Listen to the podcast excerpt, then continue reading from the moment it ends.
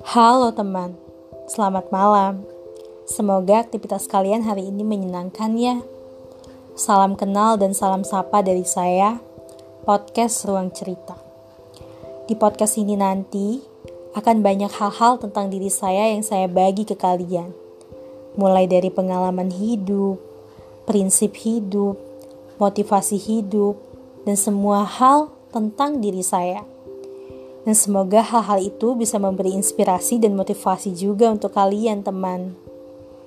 Saya adalah orang yang bebas dan bermindset perfeksionis.